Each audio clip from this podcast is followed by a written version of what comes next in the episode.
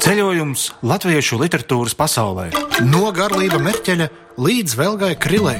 No Aleksandra Čaka līdz Jānim Einfeldam. Raidījumā cienījamie lasītāji etīdes par literatūru. Labdien, cienījamie lasītāji! Čau, cienījamie lasītāji! Tom, vai tev kādreiz ir teikuši tādu klasisku sentenci? Nu, kas tad tā tev par dzēju? Tur taču nav atskaņas. Man to ir jautājuši skolu jaunatnes pārstāvji. Kāpēc nav atskaņa? Nu, ko es viņiem esmu atbildējis? Jā, ko tu viņiem teici? Neatceros. Kaut ko no sērijas, un kur jums atskaņas? Jā, cik atskaņas jūs esat sarakstījuši. Mm -hmm. Bet vai tu esi kādreiz aizdomājies par to, kāpēc tai klasiskajai formai tiek piedāvāta tik ļoti liela nozīme? Kāpēc tiek runāts par to, ka, ja jau atskaņas, tad jau dzēja? Tu taču kā dzēnieks zini, ka tas nav vienīgais, kas dzējā var būt. Es domāju, ka atskaņas palīdz dzējai tikt skandētai. Viņu labāk var atcerēties, Viņa labāk var kalpot par himnām, tiešām pārnestā nozīmē. Viņa vairāk ieguļas cilvēku prātos. Nu, tas ir kā iegaumēt telefonu numurus arī ir vieglāk, ja tu izdomā mazu melodiju klāt. Jā, vai arī, ja viņos pašos jau ir kaut kādas līdzīguma, kaut kāda sistēma, divi vienādi cipari vai atkārtojas viens cipars caur otru. Šodien mēs apskatām Egīla Plauža devīto dzējoļu krājumu pelnu deja, ko atradām Velgas Krilis dzimtajās mājās, privātajos grāmatu plauktos, un lasot šo krājumu, es sāku domāt, mm, vai nav tā, ka dažreiz tās atskaņas traucē dzējai? Jā, varbūt tas bija tāpēc, ka tad, kad mēs gatavojamies raidījumiem, mēs tos autorus, kurus esam izvēlējušies, lasām intensīvāk nekā grāmatu, kuru mēs lasītu ikdienas gaitās. Tāpēc, jā, varētu būt, tu tik ļoti intensīvi lasi tieši vienu grāmatu, mēģini saprast, ko par to pastāstīt klausītājiem, un tad, jā, tās atskaņas sāk vienā brīdī muģēt gar acīm un nedaudz varbūt smacēt to literatūras elpu, kas tur varētu būt potenciāli bez tās saskaņotības un pantmēra konkrētības.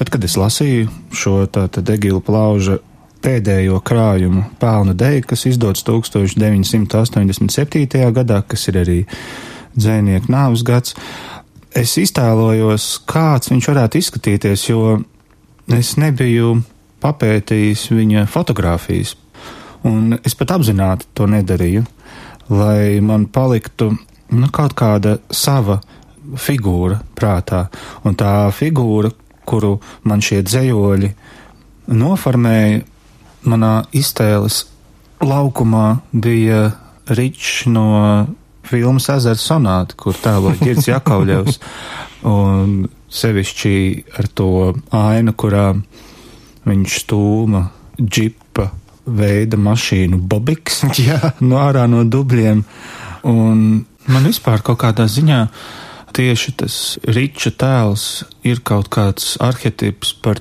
padomju vīrieti, kurš ir spēcīgs, bet vienlaikus arī ar saviem grēciņiem un noiešanām no taisnajiem ceļiem. Bet tādām standarta noiešanām, ko mēs visi saprotam, tomēr ne, nu, neko eksotisku. Nē, nē, nē, neko eksotisku. Cilvēks, kuram ir skaidra dzīves kārtība, bet kurš tik un tā var kādā brīdī paskatīties kaut kur vai nu debesīs, vai arī uz koku zariem un aizdomāties, ka var jau būt nemaz visu viņš tik ļoti labi nezina un nesaprot. Un tad, paskatoties rakstnieku biogrāfiju, ieraudzīja arī viņa portretu, un uh, no fotografijas pretī lūkojās diezgan trausls cilvēks, Latvijas klimata joslai varbūt netik tipiskām ūsām un vispār tādu atveidu. Man drīzāk viņš atgādina Erkilu Poirot kaut kādā mm. ziņā, nu izņemot varbūt bez tām uzspīlētajām ūsņām, kas ir uz augšu. Un pats dzēnieks ir dzimis 1931. gadā, ir strādājis pēc filoloģijas fakultātes absolvēšanas laikrakstā Rīgas balss par literāro līdzstrādnieku un kopumā dzēniekam ir iznākuši deviņi dzējoļu krājumi, un Plaudis ir rakstījis arī prózu. Daļu no tā var izlasīt žurnālos karoks un arī avots, bet diezgan daudz, kas no šī materiāla ir palicis nepublicēts. Nu, lūk, jā, tāda interesanta iztēles un realitātes konfrontācija, kā tas bieži vien notiek. Nu jā, varbūt domājot par Egilu plaužu piederību konkrētam laikam, šajā grāmatā nav daudz veltījumu, bet daži ir. Un pirmais no tiem ir četri dzējoļi ojāra vāciešu piemiņai, kas man liekas viņu tā mazliet ievieto kaut kādā noteiktā laikā un vidē. Un nolasīšu varbūt daļu no šiem veltījumiem.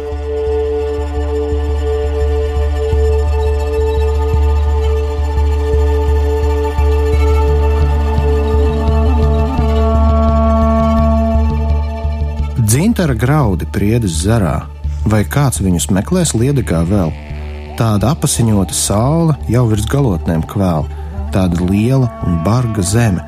Ko tu tai dosi? Tu ņemsi vēl otru maigāku un viņu apasiņosi.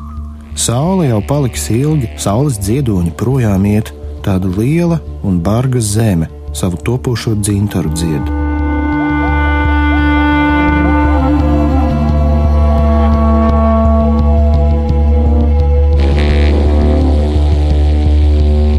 Zili ziedi uz dzeloņa stieplēm, nesa tos karēvis jauns, tālē pazudis mēnesis vieplis un par svešām ciešanām kauns.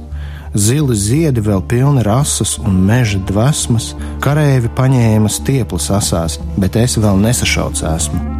Šauts, šauts, bet vienmēr vēl kājās, nāc mana labā, iesim mājās. Zili ziedi uz dzeloņa stieplēm, pāri mēnesis raks stiepjas.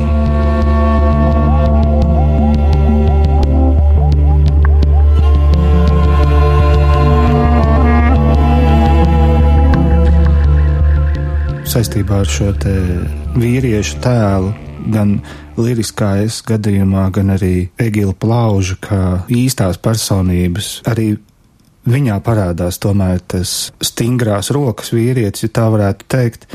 Un Inta Čaklā žurnālā Karoks 1987. gadā raksta šādi.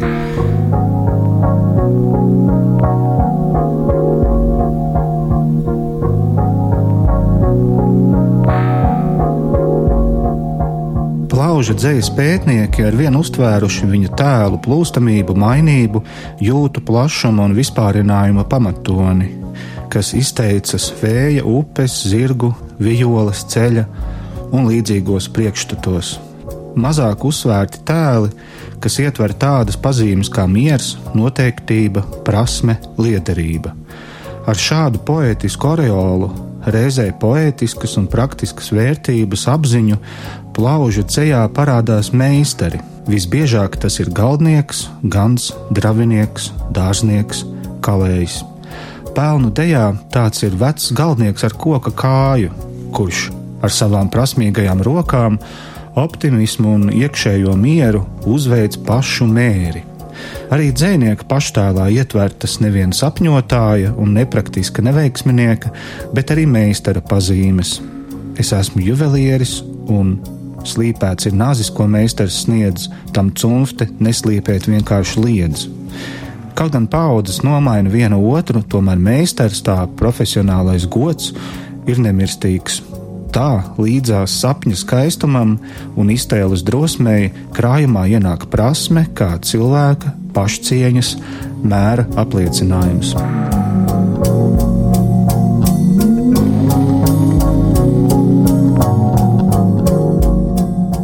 Es tur sākumā mazliet piesējos tai klasiskajai rīmju struktūrai, un uh, nekad agrāk man tā nav bijis, bet lasot plaudi, es pēkšņi sāku just, ka tās atskaņas drausmīgi ierobežo patiesībā. Šis ir viens no tiem dziniekiem, kura tēli ir tieši tādi, kurus es varbūt gribētu redzēt ne gluži baltajā pantā, bet varbūt kaut kādā nu, viņi ir ielikti ciešā rāmī, un tagad mums viss ir pa parapa, parapa, parapa, pam, parapa, parapa, parapa, pam, parapa, parapa, parapa, pam. Un gribās, lai viņi tiek ārā no tā režģa, bet viņus nelaiž. Un tas man šausmīgi traucē dzīvot. Es nevaru dzīvot ar to.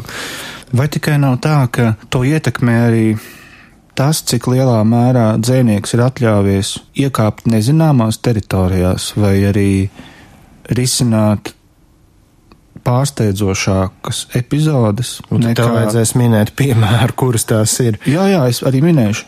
Jo, nu, iedomājos analoģiju, piemēram, ar termometru, vai ne? Ikdienas temperatūra varētu būt 36,6 grādi, jā. kas ir cilvēka ķermenis, vai ne?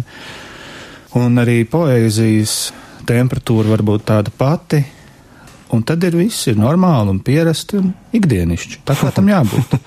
Jā. Bet tad, kad tā temperatūra jau paaugstinās, sākas sviedri, reibonis, drudzis, um, un, bet līdz ar to tas nes arī realitātes izmaiņas. Tā vairs nav ikdiena. Tu vairs nevari funkcionēt tik labi, kā tu varēji, bet tu sāc novērtēt notiekošo daudz savādāk, sāsinātāk, jūtīgāk. Un tad, kad šī temperatūra regula plaužu dzējoļos ir karstāka, es uzzinu daudz ko interesantāku nekā tad, kad viņš ir piekdienas rīta vai ceturtdienas vakara cilvēks ar avīzi padusē, kurš raksta kādā blociņā, braucot, nu, teiksim, no darba vilcienā uz mājām, kaut gan Un tas ir Patersons, tā kā norakstur. Apmēram, jā, kaut gan Egils Plaudas veselības dēļ nemaz tādu klasisku algotu darbu nevarēja strādāt. Bet kas tad 80. gados ir tie 36,6 grādi? Tās jau noteikti ir kaut kādas svētku dzējas, eh, tur, eh, ko lasīt. Eh, nē, nē, es, negrib, es negribēju kāpt ārā no šīs grāmatas. Ā, grāmatas ietveros. Jā. Piedod, es, pār, jā, es pārpratu uzreiz. Labi, varbūt tad es noraksturošu epizodes, kuras man likās šie realitātes sāsinājumi. Cik tur ir temperatūra šitiem? Nu, tur ir tā diezgan. 38 ir? Mm, jā, jā, varētu mm. būt uz to pusi. Labi. Es nolasīšu trīs dažādus dzējoļus, jo viņi ir pēc sava apjoma nelieli, lai būtu tāds pilnīgāks ieskats.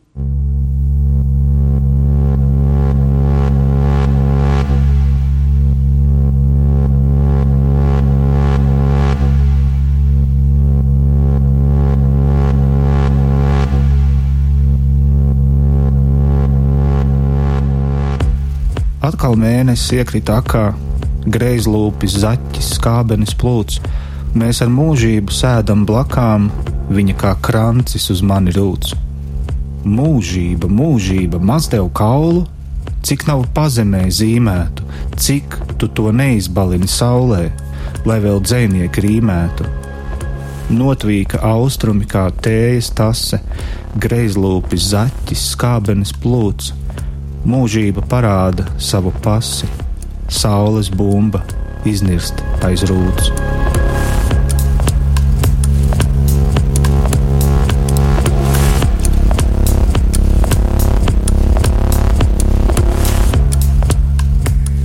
Man patīk labsirdību tēlot un pēkšņi asu nagu cirst, un taču upuri man žēlot un it nekad vairs neaizmirst tā mokas lielākas par viņiem man nežēlīgā daba dod. Ar sunīšiem un cilvēciņiem es labprāt klīstu klusējot. Un tad nāk dziesma vakar pusē, drab cilvēks, zvērs un ziedu zvans. Pēc tam būs ilgi, ilgi klusēt, un aizmirsīsies ļaunums mans.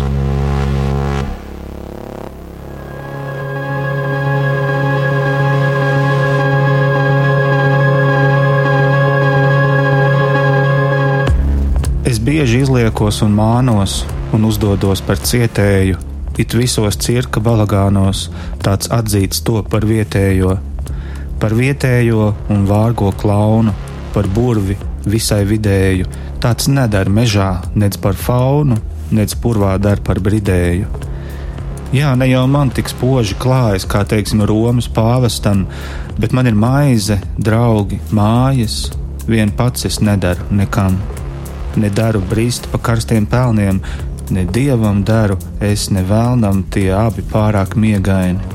Es tāpēc izliekos un mānos, un uzdodos par cietēju, it visos cirka balagānos, tāds atzīts top par vietējo. Nosaukums cienījamie lasītāji. Tas ir vairāk par jums. Cienījamie lasītāji, šodien mēs apspriežam dzēnieka Egila Plauža krājumu pelnu deja. Līdzīgi kā tu runāji par temperatūrām, man atkal bija tāda sajūta, ka, zini, dažreiz mēdz būt tā, tu satiec kādu ļoti interesantu cilvēku un jūs ejat ar šo cilvēku pa ielu, un tu zini, ka tam cilvēkam ir ko teikt, viņam ir fantastiskas zināšanas un ļoti interesantas idejas, un tu zini, ka tur var stundām ilgi par kaut ko absolūti pārsteidzošu runāt. Un treju ne, un, un tas apbrīnojamais cilvēks tev tikai visu laiku saka, nu jā, šodien silts laiks, vai arī, nu jā, paskat rekā fasādu mājai atremontējuši, vai ne? Tādas kaut kādas lietas, kuras brīžiem šķiet tik ļoti pašsaprotamas gandrīz vai. Un šajā krājumā visu laiku viņam parādās tur pār vecrīgas mūriem Pētergailis dzied piemēram, vai dzīve ir raiba un koša. Tādi truismi gandrīz, vai, nu, es zinu, ka dzīve ir raiba un koša, nu, un vispār principā. Bet vai tu tiešām zini, ka dzīve ir raiba un koša? es zinu, ka dzīve ir raiba un koša, un arī to, ka vecrīgā Pētergailis dzied. Un es visu laiku atceros Majevski, kurš mm, prot uzrakstīt par to, kā Daugavs viļņi mutuļo, bet ievērp tur kaut kādu absolūti transcendentālu, dziļāku slāni, un tu saproti, ka tu varbūt nekad mūžā pat viņu neuzraksi. Un uh, man traucēja tas, ka nesaprotamā ir pārāk maz. Var sakot, temperatūra ir pārāk normāla. Bet Tajā pašā laikā ir kaut kādi momenti, kad, lūk, kā tu saki, pēkšņi notiek kaut kas, kaut kas tajā sistēmā nobrūk, kaut kas noiet greizi, un pēkšņi rodas kaut kas ļoti, ļoti interesants. Kā piemēram,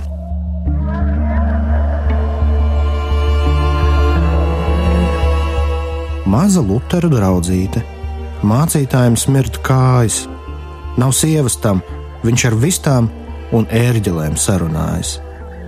Maza, maza pasaule, paša krustdēls apzog māju, nekur tālāk par lieso draudzīti, mācītājiem smirt kājas, lekna pļava un govis ganās, bērnības zemē nav atgriešanās.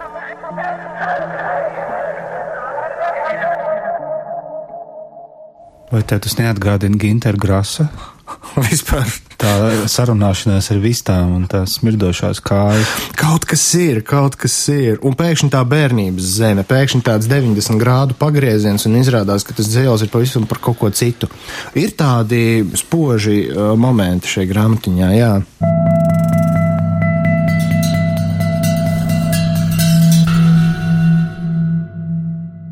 Viena tāda interesanta nianse, ka viņš ik pa brīdim nodarbojas ar pašpārmetumiem, un, nu, vai literārais es par nīšanu un par uh, to, ka es tavai pierēji varu likt asiņot un salt. Jā, bet tas skaisti pateikts. Un starp citu, rekur vēl par baznīcu, ka baznīca melna kā meža cūka. Un nav baznīcā varas, bet ērģelis ir, un tā jau tā pati vara. Nevar, nevar saprast, cik lielā mērā tas ir kaut kāds antireliģiskums un cik lielā mērā tā ir vienkārši tāda. Nu jā, bet, vārdu sakot, starp to ikdienišķo 36,6 temperatūru, tie uzplaiksnījumi ir raidīti ne tikai pret apkārt esošajiem fenomeniem, bet viņš viņus triec arī pret sevi, gan tos zibeņus, gan arī visāda veida, gan stiprākus, gan vājākus. Nu, varbūt tāpēc, tas ir sevi šausta. Nu, tā, jā, pelnu, tā pelnu dēļ jau tur viņš raksta, ka mani pelni vēl ir sarkani, tāpēc tik stipri plēš, ka tā ir kaut kāda vai nu kaut kāda nesadzījusi vārds, vai arī kaut kāda cīņa, kas ir pārtraukta un kurai nav skaidra rezultāta. Un tad Varbūt iespējams tāpēc arī tas, ko mēs iepriekš dzirdējām no manas lasītā par to, ka viņš izliekās un mānās un, un uzdodas par cietēju, ka tas Jā. īstenībā viņš ir, nu, tā kā tāds balagāns. Bet jau tuvojoties raidījuma izskaņai, vēl viens pēdējais dzējolis, kurā tas balagānisms ir tāds, ka tam cirkam ir nogriezta skaņa, un viss paliek vienkārši kluss. Un šeit vēl, kas man iekrita acīs, ka viņam bieži parādās vārds pase. Arī šajā dzējolī tas būs. Un manuprāt, ka pase šeit ir kā sakabe starp tā dēvēto civilo un patieso pasauli. Nu, tu, tu pasē, tu nevari īsti ne par ko izlikties, ja tā pasa ir īsta. Tur ir rakstīts, kā tevi sauc, imi familija očistu, un tu nekur no tā nevari vairs izbēgt. Tādā ziņā. Adries. Adres. Adries. Dzēles ar nosaukumu ikdiena.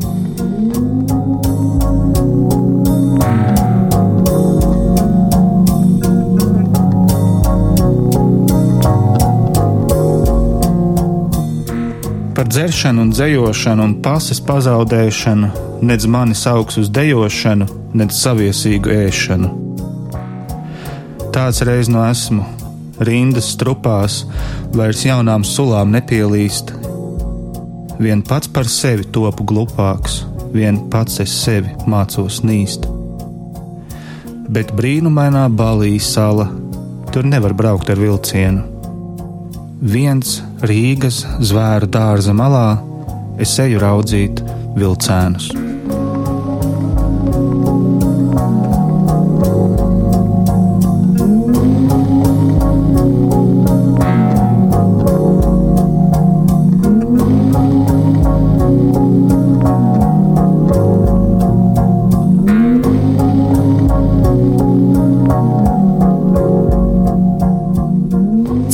Lasītāji, tāds lūk neliels ieskats Egīla Plauža dzējoļu krājumā Pelnu dēļa. Paldies Antrai Krilē, ka uzticēja mums šo grāmatu aizņemties. Paldies, Antra! Bet mēs ar tevi, Tom, kā raksta Egīls Plaudis, aiziesim tā lēni, klusi tur, kur rīta saule uzlēkusi, vai ne? Viņu vispār ir uzlēkusi. Es pat pamanīju, braucot tramvajā. Mums varētu tiešām doties tajā virzienā. Bet jums, cienījamie lasītāji, mēs novēlam patīkamu svētdienas izskaņu un lai ir ražīga un dzējas pilna nākamā nedēļa. Cienījamie lasītāji, etīdes par literatūru. Nu, tu saprati.